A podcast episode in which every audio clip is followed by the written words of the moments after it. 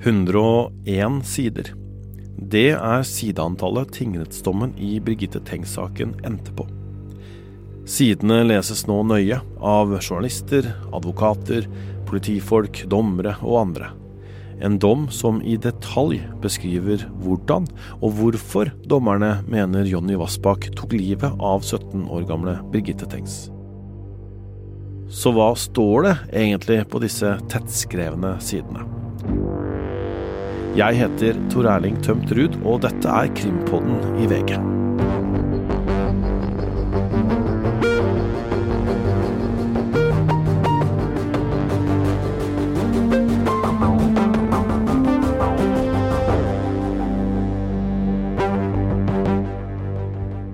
Vi begynner på noen av de siste sidene av dommen, på side 92.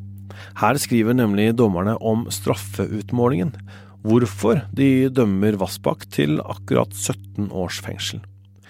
Og når de forklarer det, så oppsummerer de den forbrytelsen de dømmer ham for. Da dommer Arne Vikse leste opp dette i retten på mandag, så hørtes det slik ut. Tiltalte domfelles for drap av en 17 år gammel jente. Det er klart skjerpende at det her er tale om drap på et barn, ung jente, som hadde startet på videregående skole og sto på vei inn i voksenlivet, og som ble frarøvet livet på en meningsløs måte. Selve drapshandlingen fremstår som svært brutal. Avdøde ble utsatt for omfattende vold med gjentatte slag mot hode og kropp samt kvelning. Det er tale om 15-20 slag med en stump gjenstand, en stein eller slag mot en stein mot hodet. Det er et område på kroppen som er særlig sårbart. Det er på det rene ut fra funnene på avdøde at hun har tatt seg til hodet ved henne, og at hun således har vært bevisst ved deler av volden hun har blitt utsatt for, noe som hun må ha fremkalt en redsel og frykt for henne. Hun må ha opplevd volden som uhyre brutal, smertefull og skremmende, og hun, og hun har innledningsvis vært seg bevisst på hva som var i ferd med å skje. Birgitte Tengs var forsvarsløs i forhold til de angrepene hun ble utsatt for. Et enstemmig dommerpanel i tingretten fant at Jonny Vassbakk drepte Birgitte Tengs i 1995. Selv reagerte han med å falle om helt i starten, da dommeren leste slutningen, altså konklusjonen på dommen. Skyldig og fengsel i 17 år. Stian Bråstein er den ene forsvareren til Vassbakk, og han sa dette etter at dommen var lest opp. Jeg har ikke noen kommentar til dommen, altså innholdet i dommen nå utover at uh, vår klient er skuffa. Uh, det er ikke dette, dette resultatet han håpte på. Uh, så får vi Vi har ikke fått gått gjennom da, dommen med han i dag, av naturlige årsaker, siden han ble dårlig. Eh, så vi får gå gjennom den med han nå i ro og mak i dagene som kommer.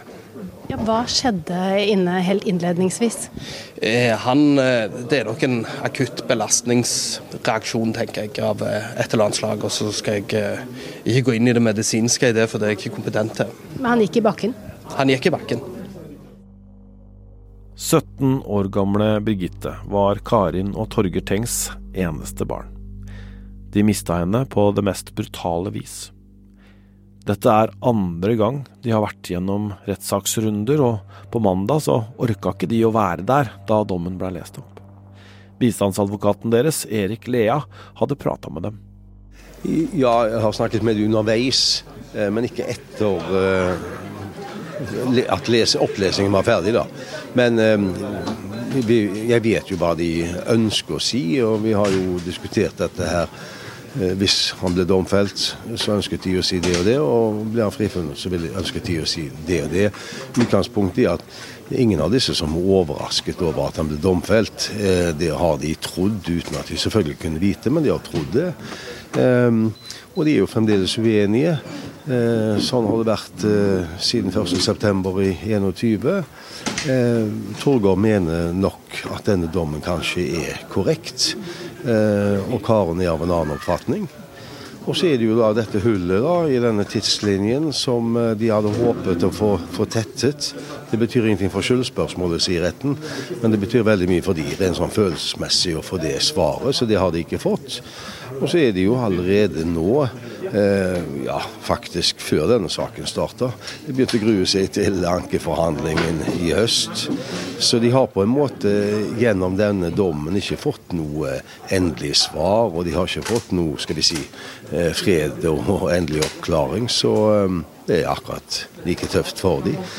De konstaterer at de får medhold i krav om oppreisningserstatning, og det er jo utmerket.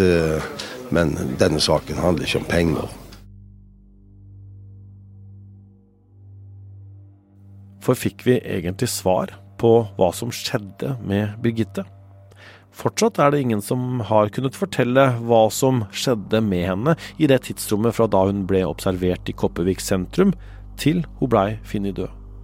Det eneste retten slår fast, er at DNA-et til Jonny Vassbakk må ha havna på Birgittes strømpebukse fordi han drepte henne. Slik kommenterer aktor, statsadvokat Tale Tomseth, akkurat det.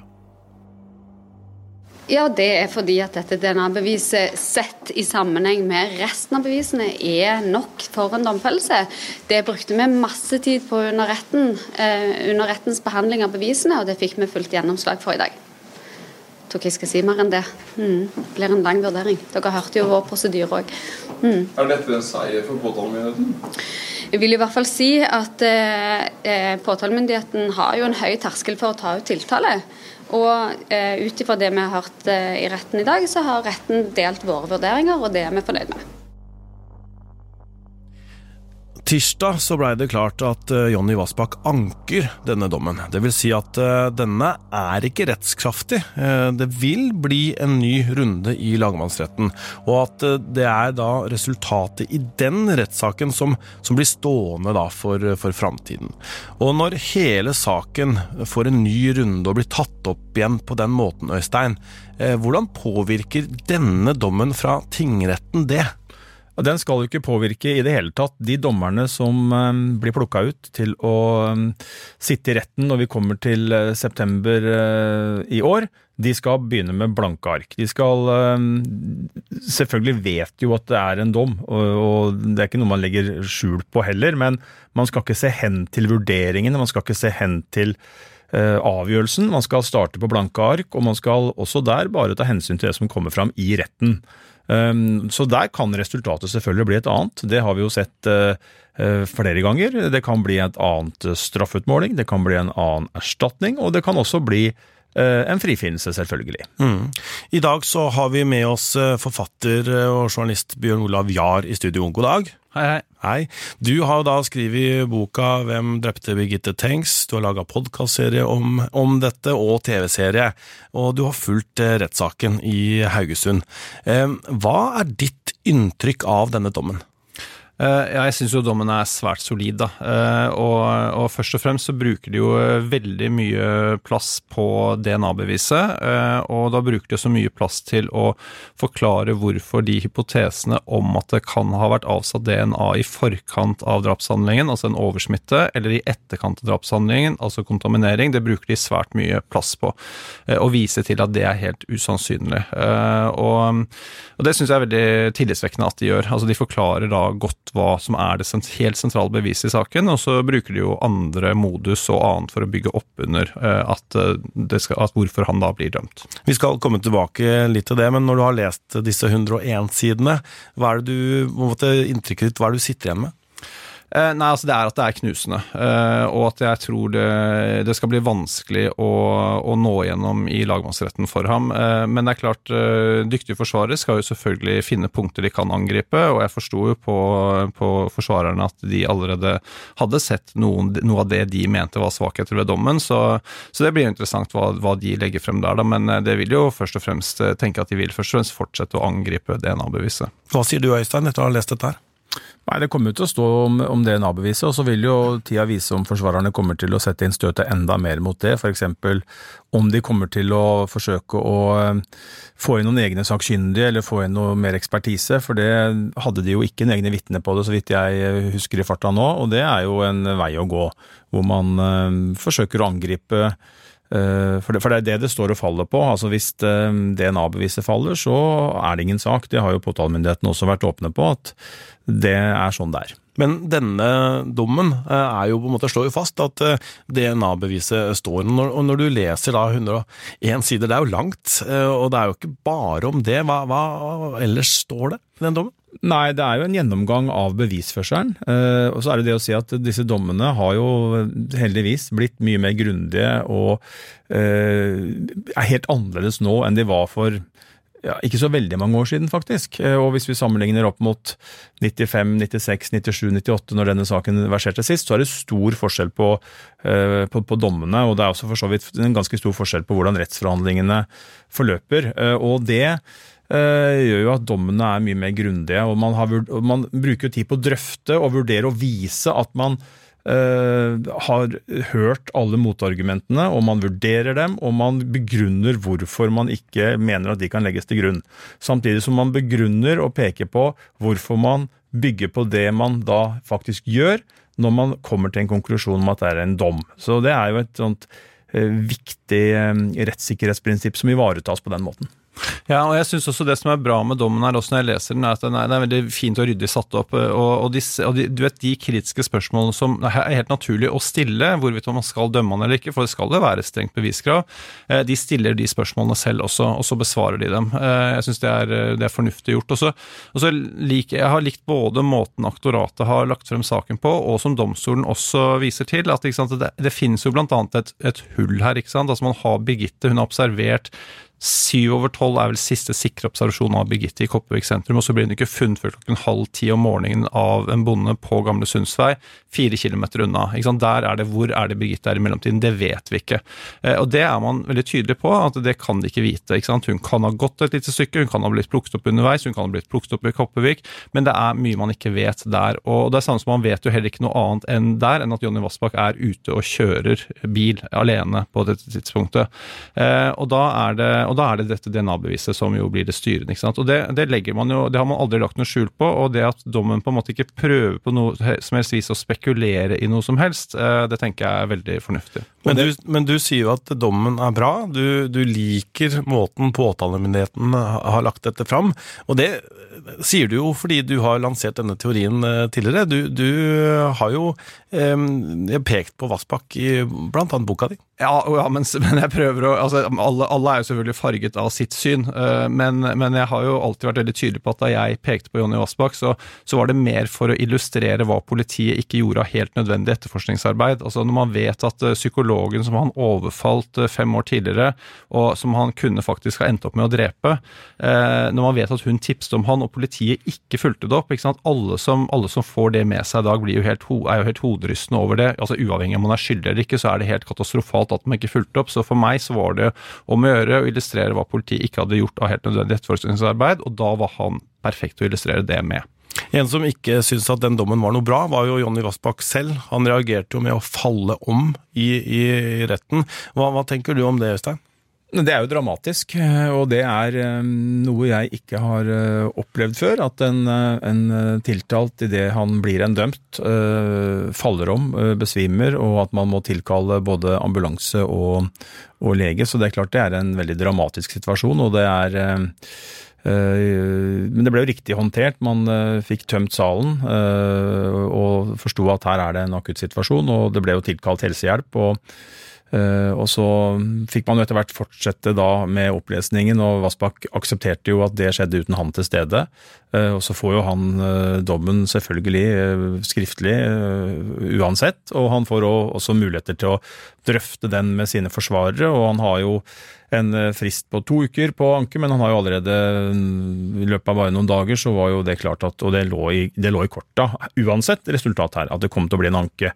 Fordi at om det hadde blitt en frifinnelse så tror jeg påtalemyndigheten, med mindre det hadde vært noe helt spesielt som retten hadde pekt på som gjorde at man hadde snudd i oppfatningen sin, og jeg kan ikke helt se hva det skulle vært, så ville også påtalemyndigheten anka her. fordi at de er, de er overbevist, de er sikre eh, på at Vassbakk er rett mann. Eh, og Vassbakk er jo det motsatte. Han er jo sagt at han frykter et justismord. Det har han jo da nå fått etter sin oppfatning, og da var også en anke fra hans side eh, veldig sannsynlig. Med mindre han eller forsvarerne skulle ha funnet noe i dommen som gjorde at de endra oppfatning, men det var bortimot null prosent sjanse for. Så at det er en ankesak, det, det, helt, det, det var helt opplagt, og den er jo beramma allerede òg. Mm. Du har sittet i, i salen, Bjørn Olav, og, og sett aktørene, og også på, på Vassbakk. Hvordan vil du beskrive ham? Nei, altså han er jo Han fremstår ganske lukket. Altså, han kommer jo inn, og han ser ikke på noen, og han setter seg konsekvent med ryggen imot med pressefolk og, og, publikum i salen. Og på den annen side så kan man også forstå det. Det er ubehagelig å bli beglodd. For mange sitter jo og ser på ham og nettopp observerer ham. og det kan man jo si at det slapp han jo nå, da, da han, da han etter, denne, etter, denne, kollapsen så, så, ble han jo fraktet ut, og så, så fortsatte man jo resten av resten å lese premissene for dommen videre uten hans tilstedeværelse. Men, men men eh, det er Nei, han sier jo at eh, når Torgeir Tengs f.eks. var i vitneboksen, så sier jo han at han, at han syns det er vondt å høre på, og, og, at, eh, og at, han lei seg for, for, det han har malt igjennom og sånne ting. Så kan han si han sier jo ofte de riktige tingene, men men eh, det er, jo, det er, jo, ingen tvil om at i dommen så, så, fratar de jo ham all troverdighet, og de tror ikke på ham. Eh, og det er det, det, er det mange eksempler på også, at, eh, at, han ikke Han har jo også erkjent det underveis i sin forklaring, at han tidligere har forklart seg feil for å slippe billigere unna i saker. Så det styrket jo ikke akkurat hans sak. Det er tre temaer i dommen som vi skal ta for oss. Vi skal se på hva dommerne skriver om bevisene, vi skal se på straffeutmålingen, og vi skal se på den erstatningen som Jonny Vassbakk ble dømt til å betale. Vi skal til side 87 i dommen, og her går dommerne gjennom bevisene i saken. Hør på dette her. Retten finner etter dette at funnet av tiltaltes Y-DNA i sporprøve A12-if F ikke kan forklares hvis han er uskyldig i drapet. At han er gjerningsmann underbygges videre av de modusopplysninger som foreligger fra rundt den tiden drapet fant sted. Retten er således av den oppfatning at det ikke foreligger rimelig og fornuftig tvil i forhold til at det samlede bevisresultat, og konkluderer med at tiltalte drepte Birgitte Tengs om natten den 6.5.1995 her er de helt overbevist om at det er DNA til Vassbakk, og at det havna der under en drapshandling, og at hans modus, altså hans oppførsel og tidligere angrep på kvinner, støtter opp under dette her. Eh, dette er jo det du har sagt lenge, Bjørn Lav. Ja, altså, og det som er interessant er at det fremkommer jo blant annet, ikke sant, man har en historie hvor en ung jente, hun er 14 år gammel, setter seg i bilen til Vassbakk. Retten slår det fast, altså de tror på henne, og, hun blir tatt inn på en øde grusvei. Eh, det skjer ikke noe der, altså hun blir bare kjørt langt inn på grusvei og kjørt tilbake, men, eh, men, det ligner jo veldig på hvordan man ser for seg at han kan ha kjørt Birgitte inn, ikke sant? så det regner meg grunnen til at de tar med den episoden inn i bilen. Og så, eh, så, så jeg på en annen sak også hvor det var en, var en annen ung jente som, som, som forteller at, hun, at han kjører i en bil og kjører inntil et, inntil et autovern og lener seg over henne og, og begynner å ta på henne eh, og, og kysse, prøver å kysse henne og greier. Og, og, det kan jo virke som på en måte sånn Altså, hvor alvorlig er dette? Men, men, sett i en sammenheng, da, så viser det på en måte hele veien at han har, eh, at han har eh, et modus til å plukke opp unge jenter i bilen sin, og til å gjøre fremstøt mot dem. Så det er det, det de ønsker å bygge under, opp under på det, da. Det er dette moduset hele tiden som blir brakt fram her, da? Ja, og det er jo for påtalemyndigheten så er jo det et, et poeng at uh, man har et uh, Det de mener er et så tydelig modus, både i forhold til å plukke opp, som Bjørn Olav sier, uh, jenter, unge jenter i bil og kjøre på samme type vei og samme type kjøretur som man kan se for seg, da. At kanskje Birgitte var med på. Og så er det jo en svakhet, bare for å si det før jeg fortsetter. Det er jo selvfølgelig en svakhet, vil man kunne si, at man har dette tomrommet jeg, er helt sikker på at påtalemyndigheten hadde ønska seg mer kunnskap om både bevegelsen til Birgitte og bevegelsene til Eh, Jonny Vassbakk i det kritiske tidsrommet fra klokka ja, rundt midnatt og frem til drapet. At man kunne hatt noen holdepunkter, og det har man ikke. Men, men det man jo da ser på, er moduset, eh, som man både har at man, han har en grenseoverskridende, som retten slår fast, øh, oppførsel mot kvinner i pressa situasjoner, og at han kan miste og Det sa han jo selv i retten at han hadde svartna for ham i en av disse to, om det var sykkelpumpe, jeg, tror det var den, at det hadde svartna for ham.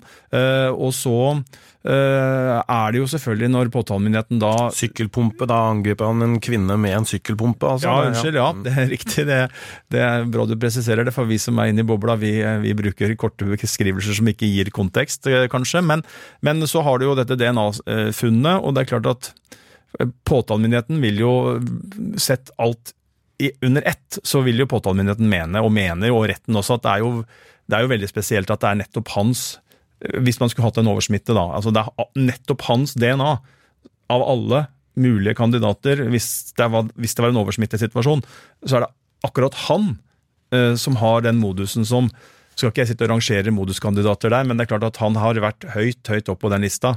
Uh, og, og, det er jo det er jo sånne vurderinger som man gjør, og så, og så er det jo da uh, Så må man da betrakte denne tvilen som forsvarerne bringer på banen, og det har retten gjort ganske, ganske eller ikke bare ganske, veldig grundig.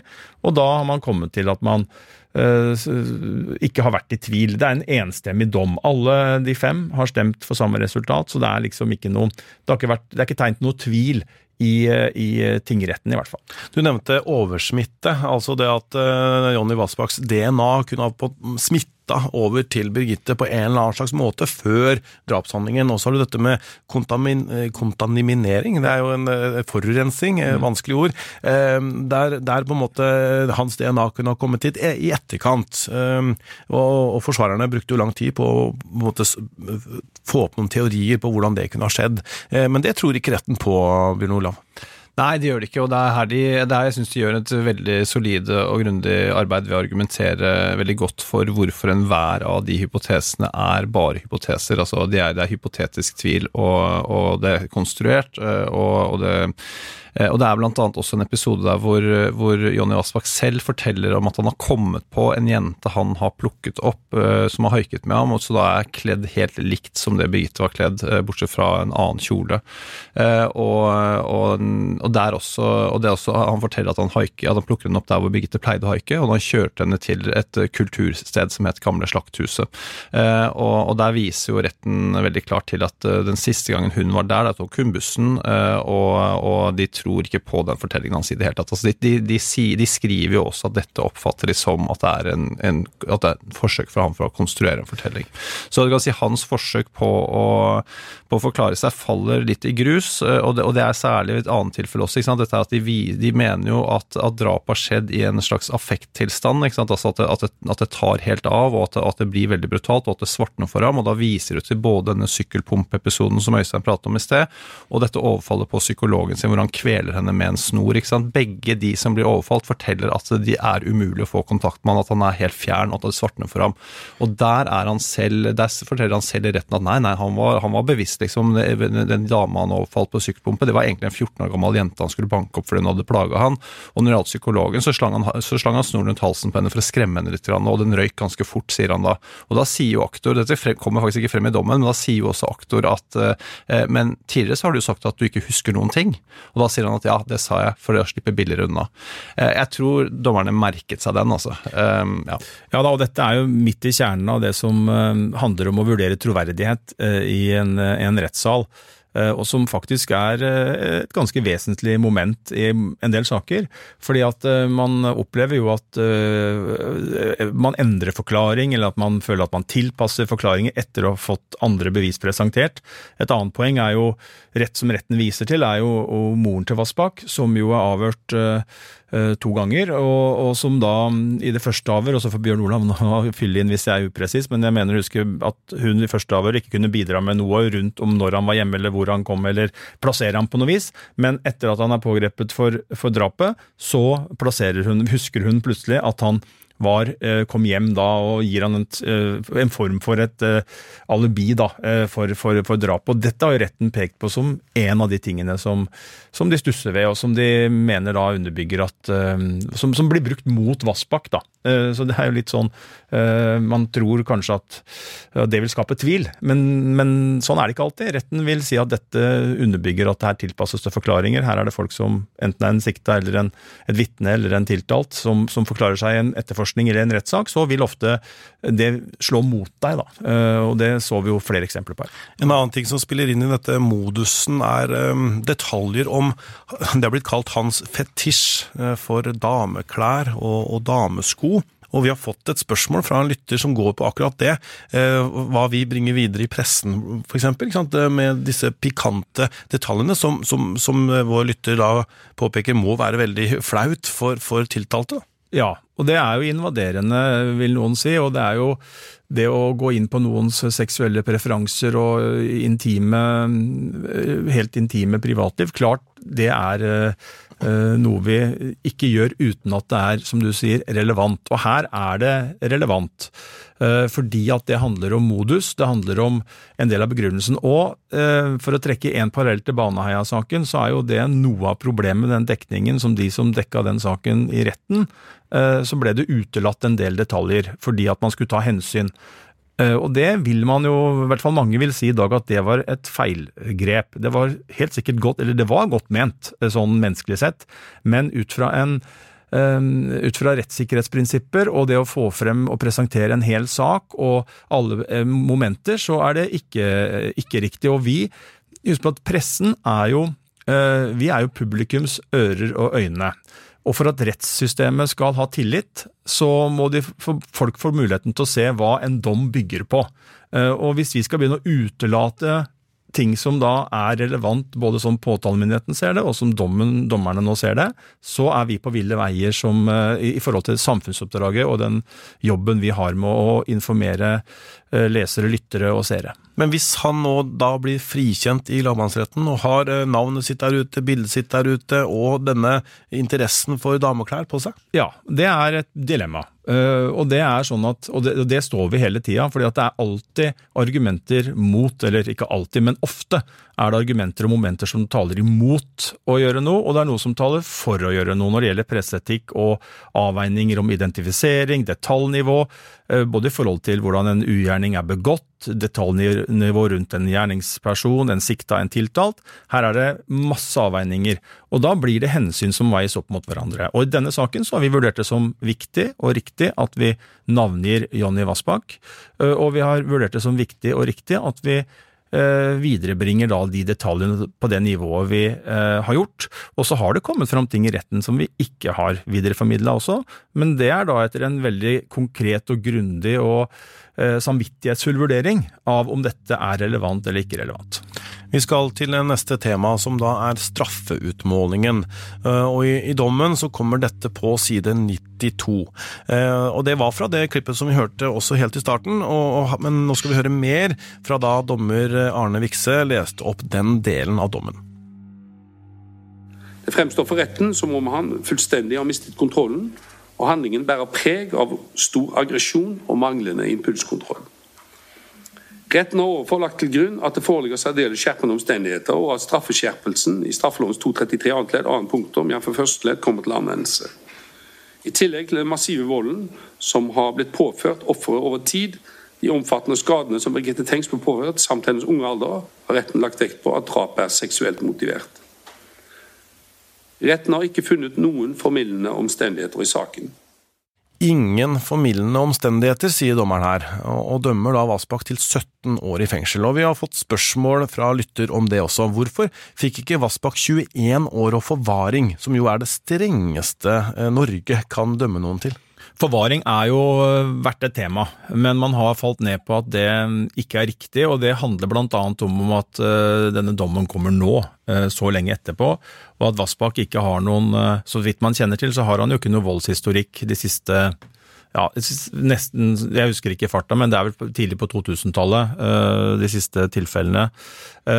Så det er et moment, men, men, det har vært vurdert. Og det hadde nok vært at hvis Vassbakk hadde blitt tatt hvis dette hadde skjedd nå i nyere tid, da, i løpet av de siste tre-fire årene, og man hadde tatt ham for et drap som hadde skjedd nå, og han hadde historikk som lå to-tre år tilbake på samme måte, altså disse sykkelpumpangrepet eller denne psykologangrepet, så hadde nok så hadde nok eh, sjansen for en forvaringsdom vært veldig stor. fordi at det går jo på gjentagelse og at du er eh, farlig og på å si, ustyrlig, blant annet, da, som kan være momenter. Når det gjelder straffeutmålinga, så handler jo det om at for det første må man se hen til det som var straffenivået den gangen. Ja, For det er sånn regelen er? Ja da. Uh, og det er for så vidt logisk. Uh, at du straffes for ut fra det som var straffenivået den gangen. Og så har jo Uh, så er det jo sånn at dette drapet er, har ikke noe overlegg ved seg. altså Det kommer tydelig frem i dommen og også i retten at dette er en situasjon som Bjørn Olav var inne på, som oppstår der og da. Eh, og da er det Ikke planlagt, med andre ord. Ja, da heter det jo før forsettlig drap. Nå er jo det ikke sånn lenger, man, men før hadde man forsettlig og overlagt. Overlagt, det lå på at du hadde planlagt, overveid, og da var det og Det er det fortsatt, da, det er ikke de begrepene som brukes nå, men det er, det er straffskjerpende. Eh, Men, men så er det jo skjerpende omstendigheter her, fordi at eh, på, på, i forhold til drapet på Birgitte. Så det kommer jo inn i betraktningen, og da eh, ja, man har en ganske lang utgreiing da, på for og imot, og til slutt lander på 17 år som, eh, som en straff. Og dette her blir jo komplisert, da, fordi da fetteren eh, ble dømt i tingretten, han ble frikjent i lagmannsretten, men da han ble dømt i tingretten i sin tid, så fikk han 14 år i fengsel. Og da var det formildende at han var ung. Ikke sant? Mens her øh, er det straffeskjerpende uh, isteden, og derfor så får Jonny Vassbakk mer enn 14, altså 17. Ja, altså, og den gangen man trodde at fetteren hadde begått drapet, så var han da, skulle han da vært 17 år på drapstidspunktet, mens Jonny Vassbakk han er 25 år ved drapstidspunktet, så det er klart det er stor forskjell på en 17-åring og en 25-åring. altså. Og så er det to andre saker som det ses til her, det er, det er, um, som er sammenlignbare. og Det er Kristin-saken og, og den såkalte Sjøvegan-saken. Og Det som er sammenlignbart her, er at eh, begge de to sakene eh, har blitt løst på nytt eh, ved bruk av DNA, eh, ny teknologi. Og, og Der har det da kommet dommer på, på, som kan sammenlignes eh, med, med, med dette. Da var det 13 år og 17 år i fengsel i de, de to sakene der. Ja, det er jo sånn man også jobber i, i retten, og dommerne jobber. De er jo veldig glad i, med, med, med rette, eh, såkalt rettspraksis. Eh, og, og det handler jo om at man skal eh, ha en eh, at, at man skal ha noen eh, styringsmomenter. eh, At ikke det kan sitte dommere og på en måte bare trekke en straff helt ut av det blå, holdt jeg på å si, opp av hatten. At man skal ha en slags sammenheng, og man skal ha og dette. Og det med, og det med straffenivå og straffeutmåling og sånn, det er jo under bevegelse, og det er jo gjerne sånn at Høyesterett eh, fastsetter en del straffer og behandler en del saker som blir, som får, eh, blir toneangivende for de lavere rettsinstansene. Eh, Så det, eh, det er også en del av, eh, av eh, både rettssikkerheten og rettsprinsippen at man eh, skal forankre eh, straffenivået i gjeldende rettspraksis, da, som er eh, faguttrykket. Og så er det vel sånn at vi ofte tenker at vi må gi de verste forbryterne de strengeste straffene.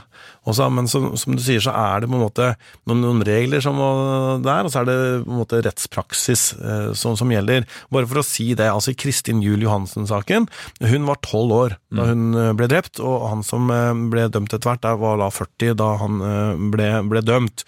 Og i Sjøvegan-saken, der var det en dame som ble voldtatt, og deretter og blei stikket 13 ganger med kniv, sånn at du døde, og så tente gjerningsmannen på, eh, på det huset også. Og han fikk jo da 17 år. Det er ikke sånn at man bruker det øverste sjiktet i strafferegimet, kan man si da, hele tiden.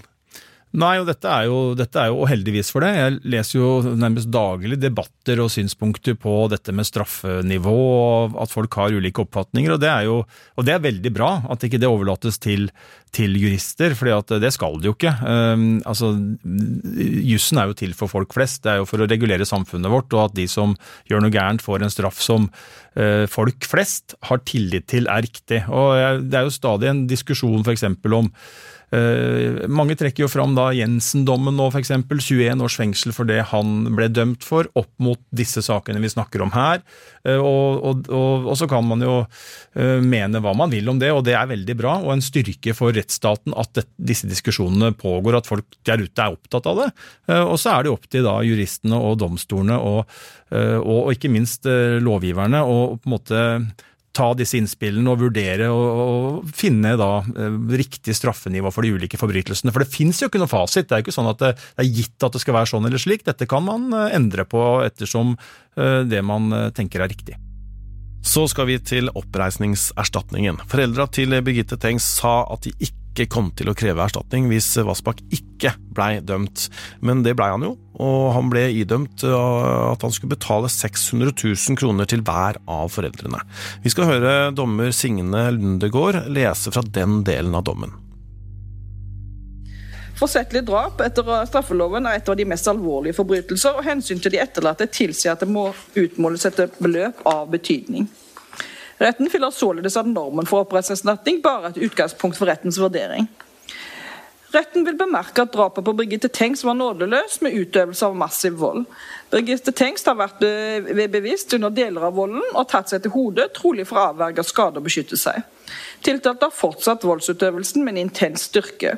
Det er her tale om 15-20 slag, hovedsakelig med hodet, med en stump gjenstand eller stein, samt kveling og gjentatte slag mot kroppen.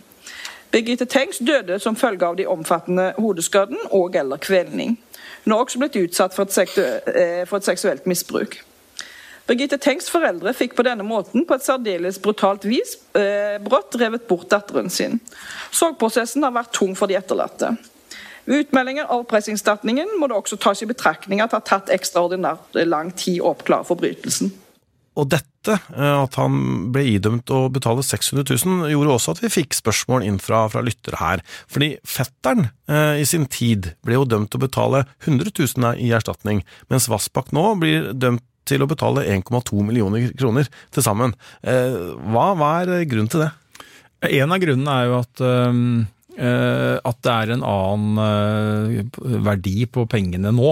Ehm, og så kan man jo si at det er, noe vi kanskje sier at det er et paradoks at man eh, vi snakka om straffenivå i stad, og at man skal dømmes etter straffenivået som var den gang da. og Da kan man jo kanskje si at det er inkonsekvent at man på erstatningssida ser, ser, litt annerledes på det. Men, men, det er jo det at uh, man, uh, man, har sett på rettspraksis, og man uh, har sett på dette med kroneverdi, som gjør at man mener at det skal settes til 600 000.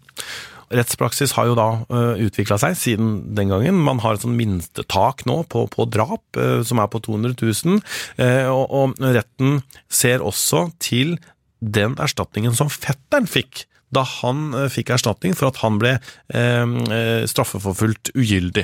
Eh, ikke sant? Så han fikk 600 000, så har da retten lagt seg på samme nivå som, som det fetteren fikk. Mm.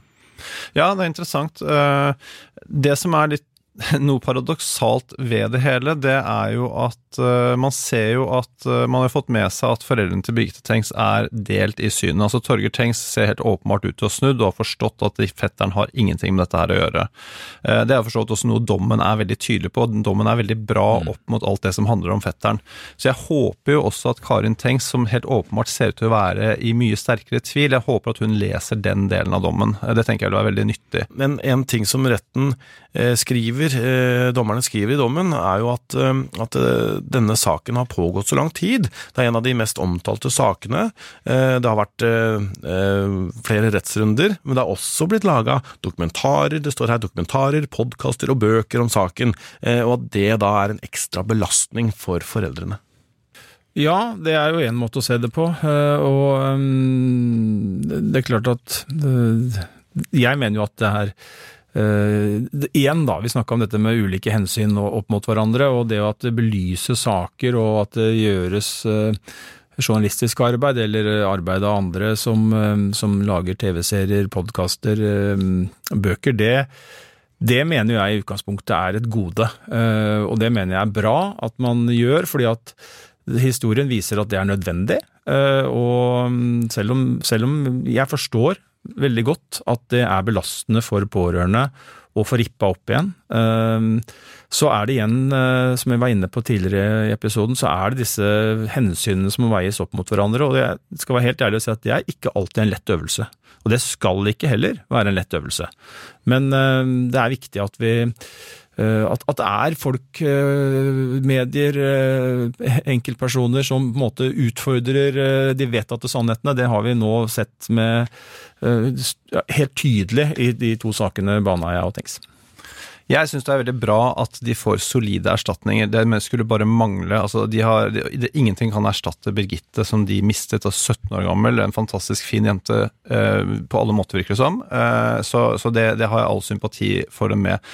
Samtidig som jeg er enig med det Øystein som sier, altså det at det har vært opplyst om saken, og det at man faktisk eh, mener den opplysningen, opplysningen av saken har bidratt kanskje også til at man har fått nå en annen løsning på saken, at man sannsynligvis har fått en mye riktigere løsning på saken, det er jo et gode episode. Men det, men det er vel noe vi lever i nå, som vi har disse sakene. Vi har Baneheia-saken, vi har denne saken, eh, som på en måte holdninger har måttet flyttet seg. Eh, det er andre faktum nå enn, en det det var den gangen der. Det er jo, det er jo, det er jo noe, det. Jeg skjønner jo veldig godt uh, at foreldrene har hatt et uh, helt sånn umenneskelig kjør i alle disse årene. Altså, de har jo for det første mista sitt eneste barn, og fått presentert da gjennom en skandaløs politietterforskning en løsning. Um, og så har domstolene også svikta uh, ved at de da uh, etterlot denne erstatningsdommen. Uh, og så har det også vært en pågående svikt at man ikke har ville ta tak i og vurdere dette underveis. Den har bare ligget der. Vi var jo vitne til hvordan, hvordan det var egentlig umulig, nesten. Uh, og Man måtte liksom til unntaken og begynne å operere med helt sånn utafor, omtrent i hvert fall, uh, finne sånne nødløsninger for å klare å få en helt opplagt urett til å bli rett. Og det er ikke veldig bra. Uh, og og det har jo, Dette har jo foreldrene måttet stå i hele veien, og så får de da presentert eh, Vassbakk. Eh, og så er man jo selvfølgelig ja, rysta og trenger nok helt sikkert tid på å både man har jo, man har jo, fått, man har jo hatt, hatt, denne pågripelsen, og man har hatt en etterforskning, men det er jo først nå, fram til skjedde i går, og som skjedde før jul, at foreldrene har fått fullt innsyn i hele saken. Uh, og hvordan uh, bevisene ligger an, og hva som er Ja, fra A til Å, da. Og det er klart at det trenger man kanskje tid til å fordøye. ganske Ja, det tror jeg nok. Ja, og Der vil jeg også, også gi all mulig kred til Torgeir Tengst. Altså, når han er oppe i vitneboksen, så, han, så snakker han om fetteren og hvor vanskelig det var for dem den gangen da han trakk tilståelsen, og så retter han seg selv til å si trakk den falske tilståelsen. Det opplevde jeg som et av de sterkeste øyeblikkene i retten. Denne saken, altså drapet på Birgitte Tengs, har jo vært i rettssystemet før, eh, og da ble det dom mot fetteren i tingretten og en frifinnelse i lagmannsretten. Eh, og nå vet vi jo at saken mot Jonny Vassbakk eh, også skal gå for lagmannsretten. Hvordan vil du se på det, Bjørn Olav, i lys av det som skjedde med fetteren? Jeg tenker jo sånn at, at, dette her er jo en separat sak. Jeg tenker at dette her, altså En drapssak skal behandles uavhengig av sin fortid. Altså, jeg tenker at, at Jonny Vassbakk skal ha en fair trial. Han skal ha sin behandling uavhengig av hva som har skjedd med fetteren i sin tid. Eh, men jeg tenker også sånn, og jeg vet jo sånn Optimalt sett så skal man selvfølgelig starte med blanke ark i lagmannsretten. Jeg vet jo ikke om f.eks. dommere i lagmannsretten om de leser dommen eh, i tingretten før de setter i gang. Eh, hvis man skal starte med blanke ark, så er det en fordel at de ikke gjør det. Eh, men jeg tenker altså dette med blanke ark er alltid vanskelig, da. Og jeg tenker at, at Jonny Vassbakk og hans forsvarer de går jo inn i den rettsrunden med ganske tung ballast. da. Altså en, et, en ganske sånn dregg rundt beinet, kan man si. Så, så at de er i en bratt oppoverbakke, det vil jeg helt klart si at det kommer til å være. Men du var inne på det, Øystein. Da kan det få et helt annet resultat? Ja da, det kan det. Eh, og så er det jo, hvis man går inn og studerer, eh, studerer dommer, så er det nok, eh, uten at jeg skal si at jeg har noe tall her og nå, så er det nok helt sikkert sånn statistisk sett, som jeg har sagt om tiltalebeslutninger, så er det jo statistisk sett så er det jo sånn at de fleste blir dømt.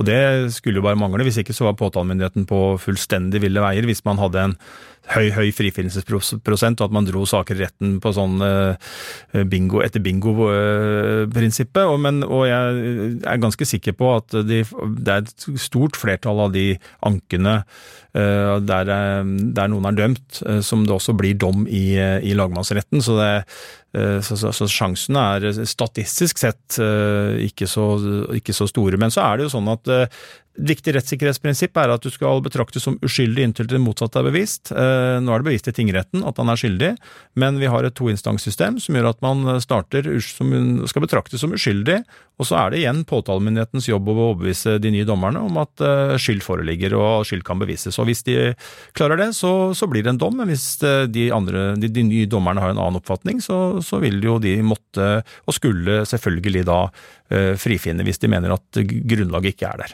Og, og, da kan både politiet jobbe mer med saken, og også forsvarerne på, på sin side? Ja da, og det skjer veldig ofte. At man man har jo et uh, opplegg og man har en uh, plan, og så kjører man da en, en, full runde i en tingrett. Og så vil man jo selvfølgelig sette seg ned og se på både dommen og hvordan man presenterte saken, om det er noen andre måter å gjøre det på. Det kan være småjusteringer som litt rekkefølge på vitner, pedagogisk opplegg, til mer sånn større ting som å, vi trenger en, en, en, en sakkyndig for enda mer på det, eller vi trenger noe vi, Nei, vi kaller inn de vitnene der allikevel, eller vi dropper noe. Altså Dette er jo ting som man vurderer fordi at man uh, har et grunnlag og, og, og, et godt grunnlag da, etter å ha kjørt en sak igjennom fra A til Å. Vi har sett i tidligere saker også at forsvarere har brakt inn sakkyndige som nettopp har velta om en sak. da. Ja, i Baneheia-saken f.eks. så var jo så Sigurd Klomsæt tok inn DNA-sakkyndig der, så, så, har jo de senere fått stor verdi i det arbeidet de gjorde. De fikk dessverre ikke den verdien det skulle hatt på et tidligere tidspunkt, men, men senere så har de fått stor verdi, nemlig at de mente at det var helt fjernt å skulle si at det var sikre DNA-bevis for to gjerningsmenn, slik man opererte med i dommen mot Viggo Kristiansen. Og i eh, lagmannsrettssaken mot fetteren så ble det jo tatt inn sakkyndige som hadde med dette med avhør å gjøre. Ja, definitivt. Altså, da kom jo en av verdens ledende på falske tilståelser, Gisli Gudjonsson, som, var, som har stått på, blant annet har vært sentral i Birmingham Six og Guilford Four, altså store saker i England, og, og, og han er veldig tydelig på at dette er en av de klareste tilfellene han har sett av en falsk tilståelse. Tusen takk, Bjørn Olav Jahr, for at du kom i studioet vårt. Tusen takk for at jeg fikk komme. Da ses vi vel igjen i september, da, når denne saken skal opp igjen? Helt klart. Husk også at eh, Krimpodden er tilbake med en ny episode på mandag, eksklusivt for dere som hører på Krimpodden i Podme eller via VG+. Reporterne Anne Sofie Mengon Aaskar og Simen Barstad Buseth har bidratt til denne episoden. Christian Torkelsen har hjulpet oss, og produsent for Krimpodden er Vilde Våren. Jeg heter Tor Erling Tømterud.